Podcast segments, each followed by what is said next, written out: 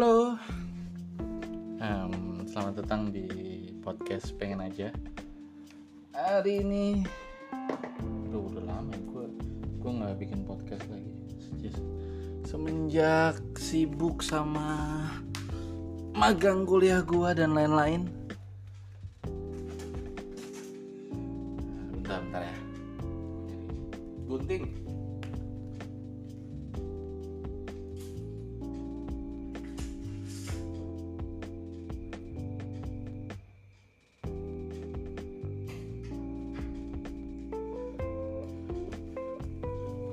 Mana tadi? Semenjak magang kuliah gue dan lain-lain gue jadi nggak terlalu uh, fokus dan nggak bisa ngejar. ya gitulah pokoknya. Sibuk sibuk sibuk. Karena saya punya kehidupan juga selain podcast yang tidak ada duitnya ini. Ya gue nggak tahu sih akan jadi apa. Tapi seperti biasa gue akan membahas hal yang memang sedang eh, terjadi. Ukraina Rusia Se- sebenarnya kalau ngomongin Ukraina Rusia sih udah telat ya. Karena udah banyak yang ngomongin tapi gue yakin ya gue mau ngomongin dari angle berbeda aja. Kalau yang bilang kayak oh Rusia itu eh, jahat dan itu Ukraina. Enggak juga karena Rusia nggak punya nggak punya ya nggak nggak punya pilihan lain selain nyerang Ukraina daripada nanti Amerika naruh rudalnya di Ukraina kan. Bahaya juga. Tapi ini ini jadi permasalahan. Banyak yang bilang kayak iya presiden ini nggak fair karena presiden Rusia tuh mantan agen K- KGB sementara presiden Ukraina stand up comedian. Jadi anjing beda banget ini curang namanya. Ya, enggak juga men. Dan banyak yang bilang ah masa komedian lawan tentara? Ini kan curang gitu. Ibaratnya kayak Sule lawan Prabowo. Tapi gini.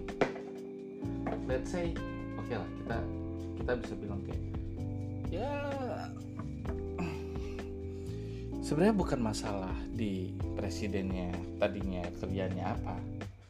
Karena kalau tapi gue ngerasa karena Rusia emang negara yang jauh lebih besar dan lebih punya kesiapan secara militer dibandingkan Ukraina. Masalahnya adalah terletak di eh, sudut pandang atau cara pandang orang lain. Kayak menganggap bahwa komedian itu tidak bisa memimpin sesuatu. Itu menurut gue menyedihkan. Karena men komedian tuh cuman bikin jokes doang. Kenapa itu harus melukai eh, kenapa itu harus menjadikan kalau komedian tuh nggak nggak bisa memimpin itu itu melukai perasaan gue sih. Karena ya gue gue pernah jadi stand up comedian meskipun nggak terlalu lucu dan ikut komunitas lain-lain dan segala macam. Menurut gue kalau kalau lu kena- kenapa orang lucu itu eh, dianggap kepemimpinannya tuh justru berkurang? Padahal gue gue gue selalu percaya gini. Ya emang sih nggak nggak semua komedian itu cerdas gitu. Tapi gue merasa kalau komedian nggak punya wawasan yang luas mereka nggak bisa bikin jokes tentang sesuatu meskipun ada hal-hal yang harus dibayar ketika lo menjadi lucu kayak orang anggap ya lu nggak gampang serius lu tidak punya kepemimpinan dan bla bla bla la la la ye, ye. tapi kenapa harus kayak gitu gitu dan nyatanya presiden Rusia eh, Ukraina stand up comedian dan bisa jadi presiden itu adalah hal yang menakjubkan menurut gue karena kalau di Indonesia kayaknya sulit. Sudah di, di Indonesia kita bisa cari dari berapa? Em, berapa presiden kita? Lima Megawati lima enam presiden. Uh, Soeharto dari militer SBY dari militer. Uh, even gue nggak melihat bahwa militer bisa memimpin negara dengan baik juga.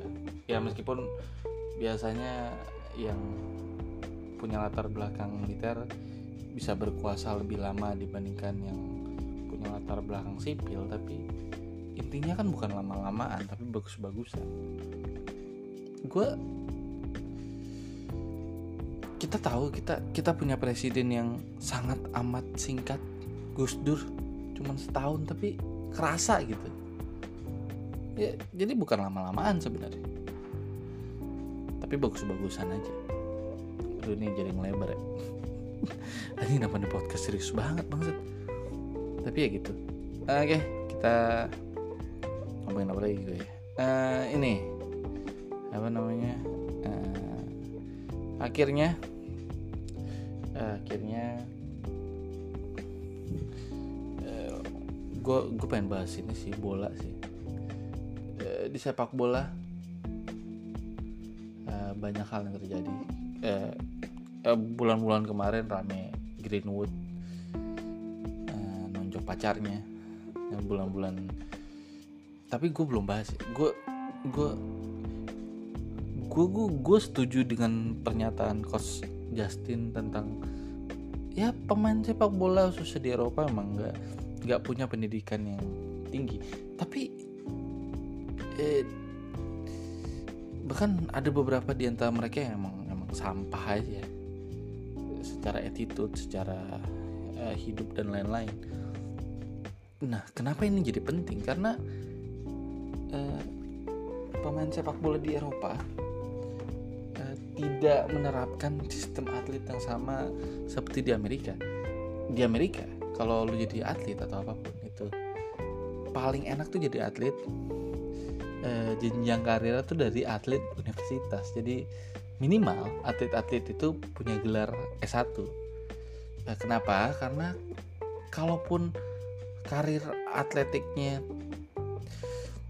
let's say gini deh, eh, karir atletiknya menurun atau harus pensiun karena cedera dan lain-lain gitu ya. Si atlet ini masih bisa punya pekerjaan yang lain. Tapi kalau di Eropa Amerika Latin dan beberapa negara itu nggak nggak diperhatikan. Karena mereka anggap ya kalau jadi atlet ya cuman ini doang jalannya hanya jadi atlet gitu. Even kalau lo mau tahu Neymar itu nggak lulus SMP Neymar itu nggak lulus SMP serius? Dan di Eropa jarang banget ada uh, pemain yang punya pendidikan tinggi gitu.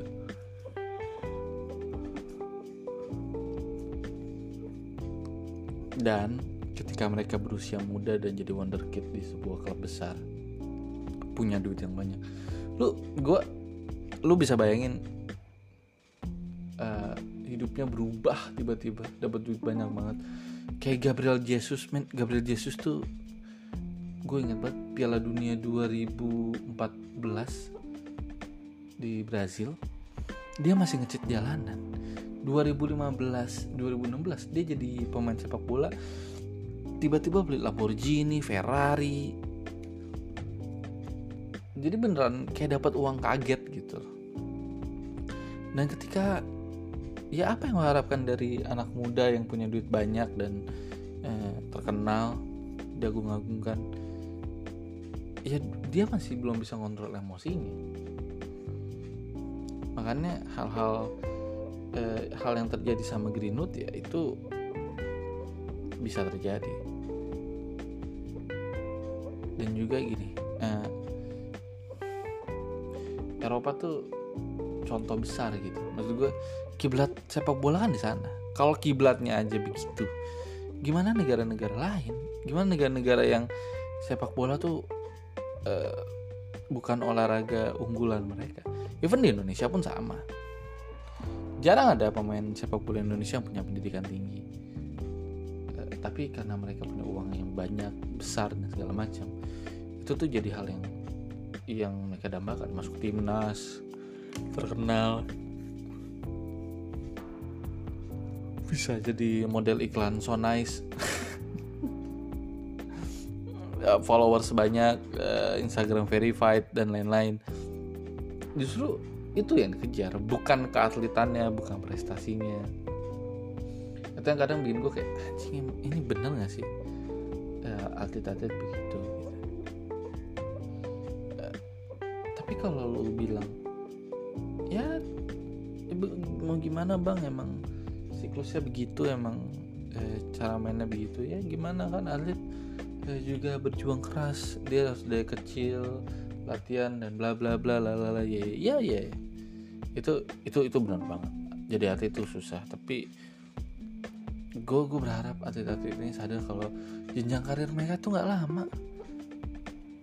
Even sepak bola aja rataan pensiunnya 37 38 gitu apa yang harus dilakukan lagi? Makanya gue gue salut untuk beberapa atlet yang ketika mereka selesai dengan karir mereka pensiun mereka milih untuk ke bisnis dan dan bisnisnya jalan dan bener gitu. Bener karena nggak nggak usah pensiun deh. Atlet di Indonesia. Pesepak bola deh. Kan ada masa di mana pesepak bola tuh liganya dintin gara-gara dualisme liga dan akhirnya mereka nggak dapat uang sama sekali. Nah uang-uang yang sebelumnya mereka dapat dari musim-musim sebelumnya itu nggak nggak mereka puterin dengan bener. Sampai uh, lu tau nggak yang Budi Sudarsono jualan gorengan? Itu kan sedih men. Ini Budi Sudarsono kan striker papan atas gitu. Ini kok jualan gorengan gitu? Mereka mereka nggak tahu mau nyimpen duit mereka ke mana. Karena mereka emang nggak diajarin itu gue gue salut dengan pesepak bola. Pesepak bola yang akhirnya muterin duit mereka. Even Bambang Pamungkas pun menurut gue oke. Okay. kelar pensiun jadi pesepak bola punya uh, kayak akademi sepak bola. Uh, terus dia juga jadi pembicara uh, untuk pembinaan usia dini kepada pesepak bola pesepak bola muda bahkan jadi motivator. Uh, suka gue caranya. David Beckham is one of the best uh, orang yang pensiun dari dunia olahraga dan tetap stay on aja. Ya meskipun beberapa tahun ini nggak nggak ada beritanya di uh, skala Indonesia tapi he's doing good gitu. Dia punya klub bola di Amerika dia ngebesarin MLS segitunya. Uh, dia punya beberapa brand yang oke. Okay lu bisa bayangin gak sih? Dia kan waktu masih jadi aktif jadi pemain sepak bola di MLS dia lagi Galaxy levelnya tuh jauh di bawah Messi dan Ronaldo. Tapi penghasilannya masuk ke tiga besar. Itu kan tanda bahwa Beckham bisa ngedevelop dirinya ngemarket dirinya sebaik itu gitu jadi kata-kata di mana ya dia bukan sepak bola biasa itu benar. Dia bukan pesepak bola biasa. Dia ada keartisannya ada keselebritiannya di di dalam Beckham. That's why dia bisa uh, bagus banget segitunya. Itu itu jadi masalah sih. Gue gue gue harap sih gue nggak tahu ya gue yang gue takutkan adalah gue takut nanti atlet atlet di Indonesia apa pun itu cabang olahraganya bulu tangkis sepak bola yang populer-populer gitu akhirnya mereka uh, punya akun media sosial uh, verified followers banyak bla bla bla uh, ngambil duit dari uh, endorse endorse. Dan akhirnya mereka ah ngapain sih gue jadi artis sih lah endorsean banyak ini segala macam mereka lupa kan prestasi mereka. That's it. itu yang uh, ditakutkan gitu. Dan ya itu sih. Kalau lu main di level tertinggi lu harus bisa persisten nggak cuma konsisten tapi persisten that's a hard thing. Even gue aja bikin podcast kayak gini aja malas-malasan gitu ini atlet harus bangun pagi banget latihan segala macam. Itu sih yang susah. Karena nggak semua orang bisa punya pekerjaan menjadi atlet.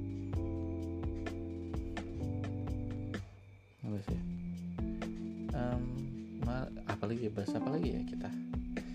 Oh iya kita bahas uh, ini. Uh, Serang. Serang banjir Bupati Bupati Wali Kota Serang mengatakan bahwa banjir ini adalah banjir terparah dalam ah, 20 tahun terakhir. Ya sih parah banget. Tapi kayaknya maksud gue gini, kalaupun hujan gede dengan dan segala macam, kalau lu nyalainnya alam, ya lu yang salah karena gini, Serang itu eh, cuacanya cenderung panas Artinya tanah di Serang eh, tidak semuanya itu eh, punya daya serap yang cukup. Tanahnya kering. Nah, di kota Serang karena mungkin ini ibu kota provinsi dan lagi gencar-gencar ngebangun itu banyak banget perumahan baru. Ya artinya ketika ngebuka lahan semua dibabat pohon rumput bla bla bla lah. Ya itulah lalala ye ye ye. Pek jadi perumahan. Ketika daya seratnya hilang dan jadi perumahan air turun selesai. Banjir. Dan dan parah sih ya. di dekat kampus Untirta aja tuh banjirnya parah banget. Ya ya itu lalu ya lu nggak boleh nyalain alam lah itu itu sih yang paling penting. Dan menurut gue banjir itu bukan bencana alam sih. Itu bencana manusia. Kecuali kayak banjirnya banjir kayak Nabi Nuh gitu ya. Banjir besar banjir bandeng yang emang alam yang yang menjadi faktor utama. Tapi kalau banjirnya di perkotaan jauh dari laut itu maulah manusia sih sebenarnya. Ya gue berharap teman-teman gue yang di Serang rumahnya nggak kebanjiran. Kasihan kan. Dan ini apa gue mau mencoba untuk konsisten ke depannya. Dan menghadirkan bintang tamu bintang tamu yang pastinya tidak kalian kenal karena hanya saya yang kenal. Tapi unik-unik orangnya. Ya gitu aja lah. Terima kasih. Dadah